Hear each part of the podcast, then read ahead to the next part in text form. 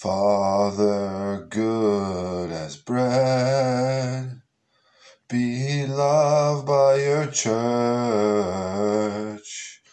for you have loved us, for you have loved us to the end.